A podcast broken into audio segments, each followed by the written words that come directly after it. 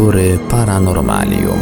Dziś w lekturach Paranormalium sięgniemy do książki Tomasa Degina Księga Tajemnic 2, wydanej w 1992 roku. Jest to kontynuacja książki Księga Tajemnic i Rzeczy Niezwykłych, którą również prezentowaliśmy na naszej antenie. Ciekawie ujęty zbiór zagadkowych zdarzeń i rzeczy niezwykłych. Domy widma, studnia z nieznanego metalu, potwory z Akambaro, tajemnica ludzi w czerni, żywe dinozaury, nawiedzona plebania, niesamowite obiekty podwodne, elektryczny duch z Rosenheim oraz kilkadziesiąt innych niepokojących i tajemniczych faktów. Książkę na naszej antenie prezentujemy w odcinkach w całości. Niezwykłe Fata Morgany Zjawisko to nierozerwalnie kojarzy nam się z gorącymi piaskami pustyni, po której resztkami sił porusza się karawana podróżników. Wszyscy bliscy są śmierci, gdy nagle, ku uciesze ludzi i wielbłądów, w oddali jawi się zielona oaza z małym błękitnym jeziorkiem. Oczywiście wszystko jest tylko złudzeniem. Jak się jednak okazuje, Fata Morgana nie jest wyłącznie atrybutem Sahary czy pustyni Gobi. Opisane niżej zdarzenie miało miejsce w okolicach bieguna północnego. Był 24 czerwca 1906 roku, gdy Robert Peary przez lornetkę przyglądał się arktycznemu horyzontowi. Nagle spostrzegł niewyraźne białe szczyty dalekiego, nieznanego lądu. Odkrycie zapisał w dzienniku, dzięki któremu znamy szczegóły wyprawy. Cztery dni później Peary znalazł się na przylądku Hubbarda, na granicy lodów polarnych i stamtąd ponownie dostrzegł tajemnicze góry. Tym razem jawiły się dużo wyraźniej w kierunku północno-zachodnim. Radość z odkrycia nowej wyspy, a może kontynentu, rozsadzała pierś podróżnika. W wyobraźni zdobywał dziewicze szczyty, przechadzał się brzegiem niestanego morza, choć z drugiej strony wiedział, że nie jemu pierwszemu będzie dane postawić stopę na nowym lądzie. O tej porze roku nie był w stanie tam dotrzeć. Odkryta wyspa otrzymała nazwę Ziemia Krokera od nazwiska sponsora wyprawy Piriego i trafiła nawet do amerykańskich map hydrograficznych. Nie na długo. W 1914 roku zorganizowano wyprawę celem zbadania nowego lądu. Żeglarze przebyli wyczerpującą, prawie 250-kilometrową trasę po zdradzieckim Morzu Arktycznym i nie natrafili na żaden ślad nieznanego terytorium. Było jasne, że ziemia Krokera po prostu nie istnieje. Robert Peary najwyraźniej padł ofiarą fatamorgany, gdyż nie ma najmniejszych podstaw sądzić, aby podróżnik celowo chciał wprowadzić w błąd przyszłe wyprawy arktyczne. Podobne zdarzenie miało miejsce na drugim, równie zimnym morzu po przeciwnej stronie globu. Był styczeń 1915 roku. Statkiem Sir Ernesta Shackletona dowodził Frank Worsley. Gdy przepływali wzdłuż wybrzeży Antarktydy, kapitan zanotował. Ląd jawi się jako wspaniałe, bogate miasto, w którym dominacja katedr, wież, świątyń i mineratów jest przytłaczająca. Worsley był jednak na tyle światłym człowiekiem, iż zdawał sobie sprawę, że uległ złudzeniu i nie organizował kolejnej wyprawy, aby zbadać nową cywilizację polarną. Ciekawą przygodę przeżyli fińscy wieśniacy latem 1929 roku. Wszyscy pochodzili z maleńkiej miejscowości Niemieckilia w środkowej części kraju i tego dnia wybrali się do pobliskiego lasu na jagody. W pewnej chwili z niemałym zdziwieniem spostrzegli, jak z tajemniczej szarej masy, unoszącej się nad północno-wschodnim horyzontem, wyłoniło się wspaniałe miasto z wyraźnie zarysowanymi budynkami, placami i ulicami. Dziennikarzom powiedzieli, że ludzie zachowywali się jak na niedzielnej przechadzce. Wśród Finów znalazł się jeden obieży świat, który rozpoznał miasto jako Berlin wraz ze słynną aleją pod lipami Iso. Ostatni z opisywanych wizji wydarzyło się w Irlandii. Niejaki pan M. Farland stał wraz z grupką przyjaciół na skałce nad brzegiem morza w okolicach miejscowości Port Balintria. W pewnej chwili spostrzegli oni małą, okrągławą wysepkę, wynurzającą się z wody w pewnej odległości od lądu. Z początku była zwykłą zieloną łąką, potem pojawiły się na niej inne kolory czerwony, żółty, niebieski. Zaczęły tworzyć się zarysy drzew, ludzi i pasącego się bydła. Zjawisko trwało około 15 minut. Obraz wydawał się niezwykle sielankowy. Ludzie spacerowali pomiędzy drzewami, wyspa tonęła w promieniach słońca, wody oceanu łagodnie obmywały kipiący zielenią brzeg. Wszystko było czyste, świeże i powabne. Po kwadransie z bajkowego krajobrazu utworzyła się szara masa, w którą jeden po drugim wtapiały się kolorowe obiekty. Widzenie zniknęło równie tajemniczo, jak się pojawiło. Wszystkie opisane zjawiska nie są wytworami chorej wyobraźni obserwatorów. Są to złudzenia optyczne, które można wytłumaczyć w zupełnie racjonalny sposób. Miraże tego typu należą raczej do rzadkości, a powstają dzięki niezwykłym warunkom atmosferycznym, które mogą występować na niektórych terenach. Zjawisko Fata Morgany po raz pierwszy zostało dokładnie opisane przez ojca Angelucciego, a swą nazwę zawdzięcza Morgan Le Fay, złej siostrze króla Artura, uważanej też za czarownicę, która podobno zwodziła żeglarzy, kierując ich na złe szlaki. Wojownicy średniowiecznych krucjat, przemierzając dziennie kilkadziesiąt kilometrów w upale, ulegali złudzeniu, iż widzą legendarną cytadelę Morgan.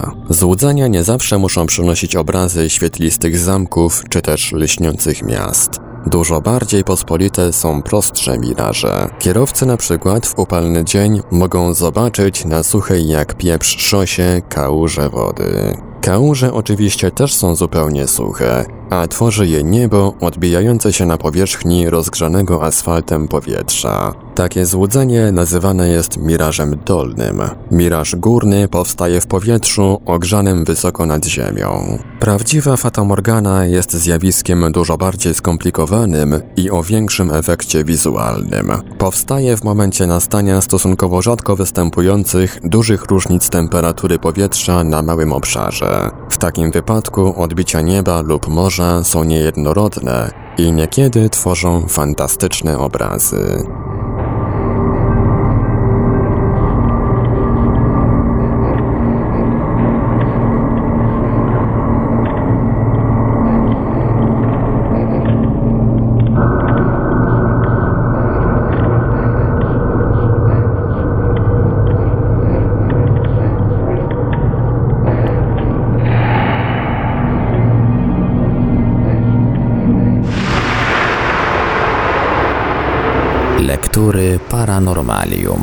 Poltergeist. Australijski Sunday Morning Herald z 25 lutego 1970 roku donosił. Młode małżeństwo z czteromiesięczną córką porzuciło swój dom na przedmieściach Newcastle, ponieważ uważało, że dom jest nawiedzony przez duchy. 19-letni Michelle Cook i jego 18-letnia żona Diane spędzili ostatnią noc w domu na Hereford Street w Stockton. W poniedziałek schronili się w domu sąsiada i pan Cook cały dzisiejszy dzień spędził na daremnym poszukiwaniu nowego pomieszczenia. Państwo Cook są święcie przekonani, że dom jest nawiedzony przez ducha mężczyzny. Nie chcą tam wejść, chyba że w towarzystwie policji lub przyjaciół. Każdy, kto z nimi rozmawia, widzi, że ich przerażenie jest autentyczne i zaraźliwe. Podali nazwiska ośmiorga przyjaciół i sąsiadów, którzy w ciągu ostatnich dwóch tygodni słyszeli lub też widzieli tajemnicze wydarzenia w tym wielkim białym domu z desek układanych na zakładkę. Wczoraj wieczorem mimochodem zobaczyłem okropną bladą twarz zaglądającą przez jedno z okien, oświadczył pan Cook. Oczy były białe z zielonymi źrenicami. Przeraziłem się okropnie, aż łzy nabiegły mi do oczu. To już koniec. Marzyłem, by kupić ten dom, lecz nigdy już nie będę mógł tam żyć. Koniec cytatu. Wczoraj wieczorem oficer miejscowej policji W. Manning przeszukał mieszkanie i zamknął je na klucz o godzinie 22.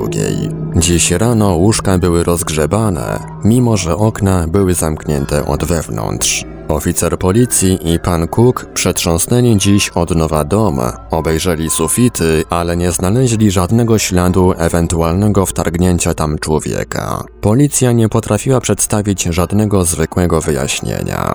W drugiej połowie domu mieszkała 67-letnia właścicielka, która od tygodnia przebywała na leczeniu w szpitalu w Newcastle. Pani Cook oświadczyła, że właścicielka prosiła ją o zaopiekowanie się mieszkaniem w czasie jej nieobecności. W tym tygodniu czterokrotnie ścieliła mu łóżka i co rano były one rozgrzebane. Na początku myśleliśmy, że to włamywacz, ale kiedy zaczęły się dziać te bezsensowne historie, przestraszyliśmy się. Państwo Cook opowiadali, jak klamka u drzwi poruszała się gwałtownie, chociaż okratowane podwójne drzwi były solidnie zamknięte na klucz. Moja mała ma dopiero 4 miesiące i nie umie jeszcze sama siadać, lecz w środku nocy zobaczyliśmy, jak podniosła się, jakby ktoś pociągnął ją za ramiona. Opowiadała pani Cook. Później dziecko krzyczało i upadło na wznak na łóżeczko. Często jej zabawki zostają przeniesione z jednego miejsca w inne. Poprzedni lokator powiedział mi, że pewnej nocy obudziło go coś, czego nie mógł dostrzec, a co chwyciło go za ramiona i potrząsnęło. Lokator, który mieszkał tu przed nim, obudził się pewnego razu i zobaczył jakąś postać, która mu się przyglądała.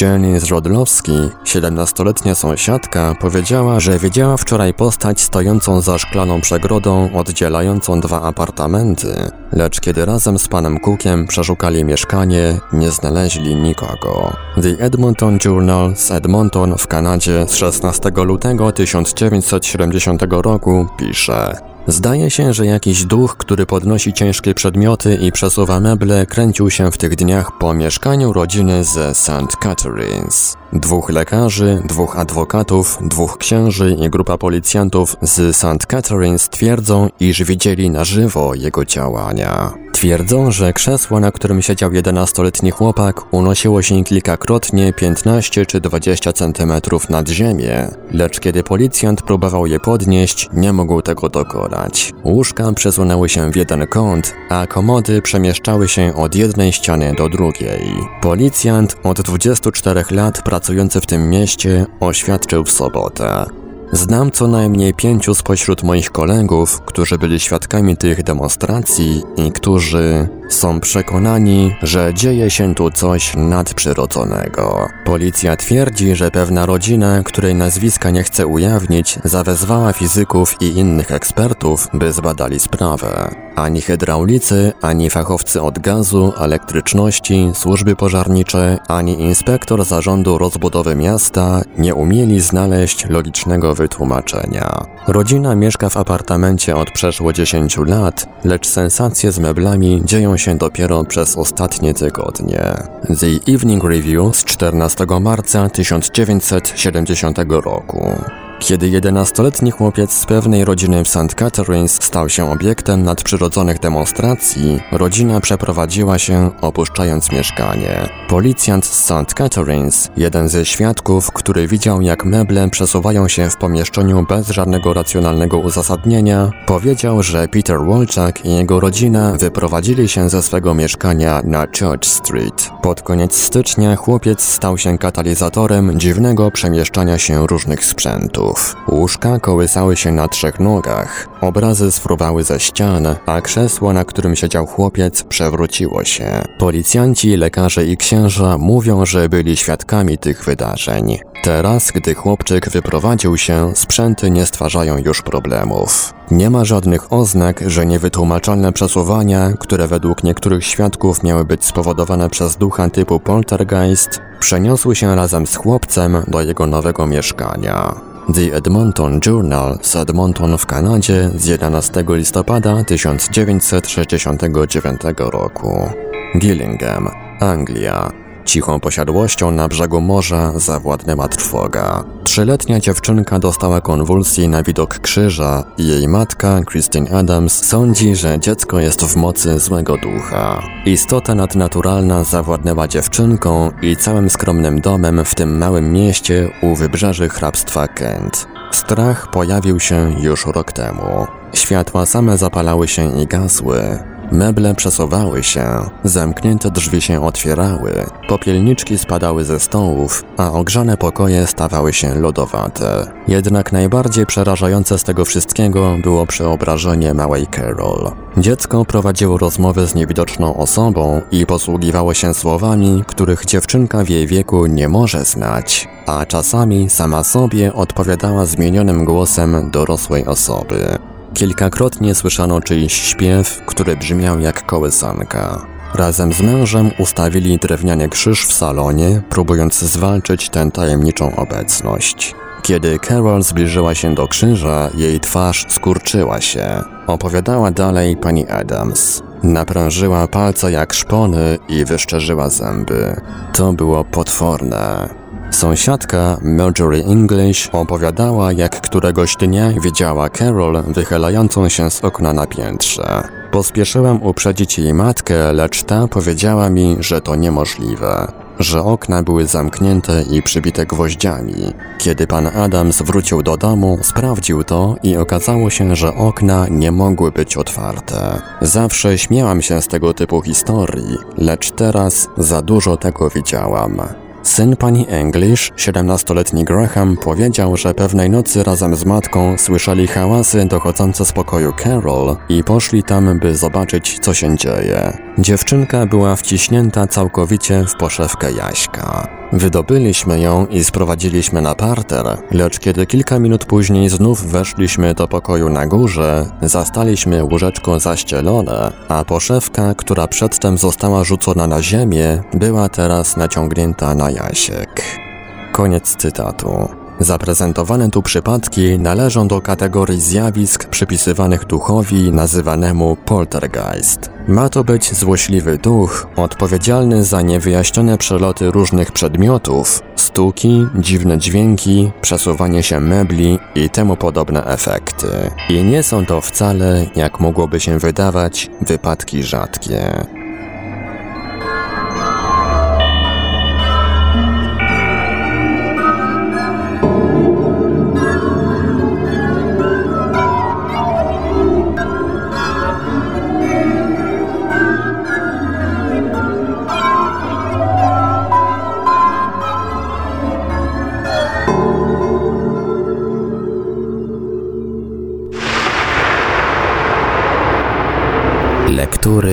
Paranormalium. Widmowy atak na Oihiro Lodge.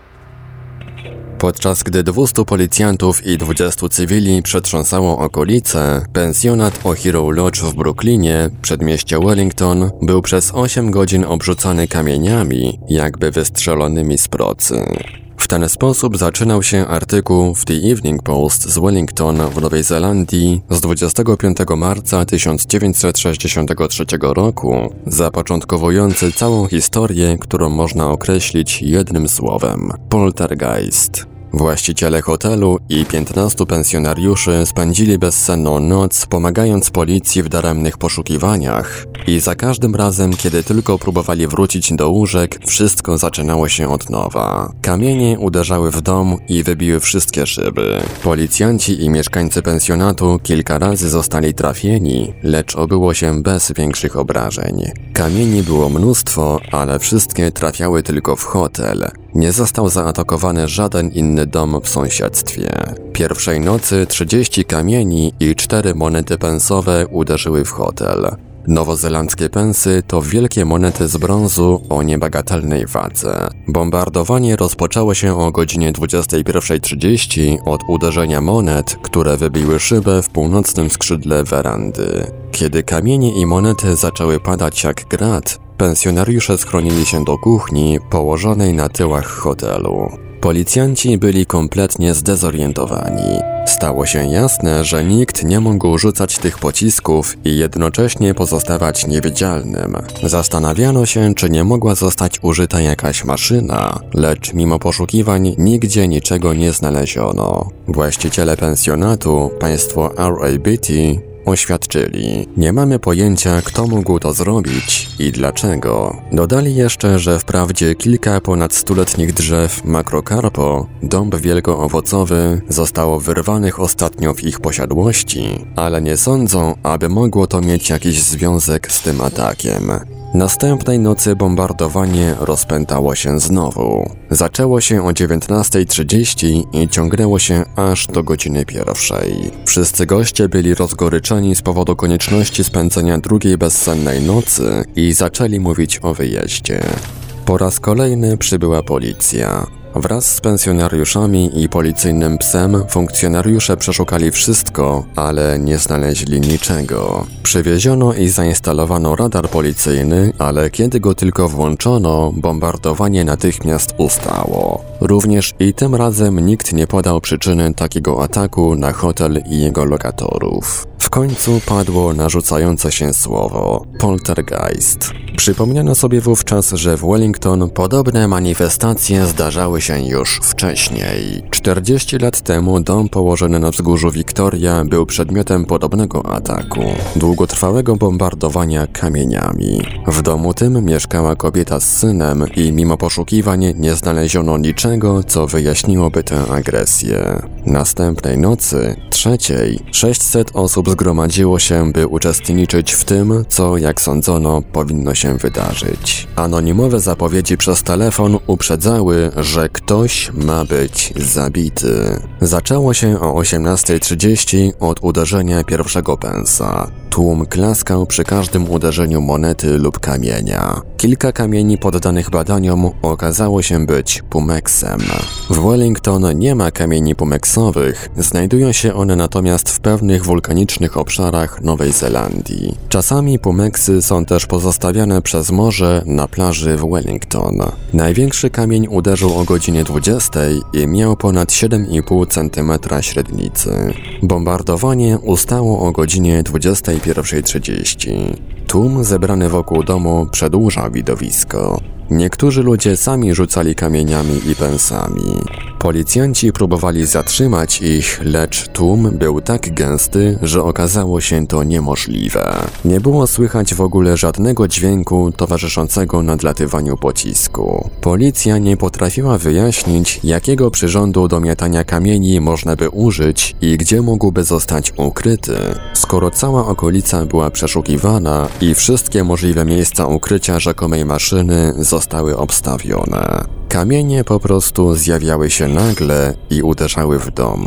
Ktoś poradził, żeby zawezwać metalurga, który by określił miejsce, skąd pochodziły pociski, choć bardziej pożądane byłoby chyba wezwanie proboszcza, albo przynajmniej meteorologa. Trzeciej nocy o godzinie 21.30 tajemnicze zjawisko ostatecznie ustało i już nigdy się nie powtórzyło.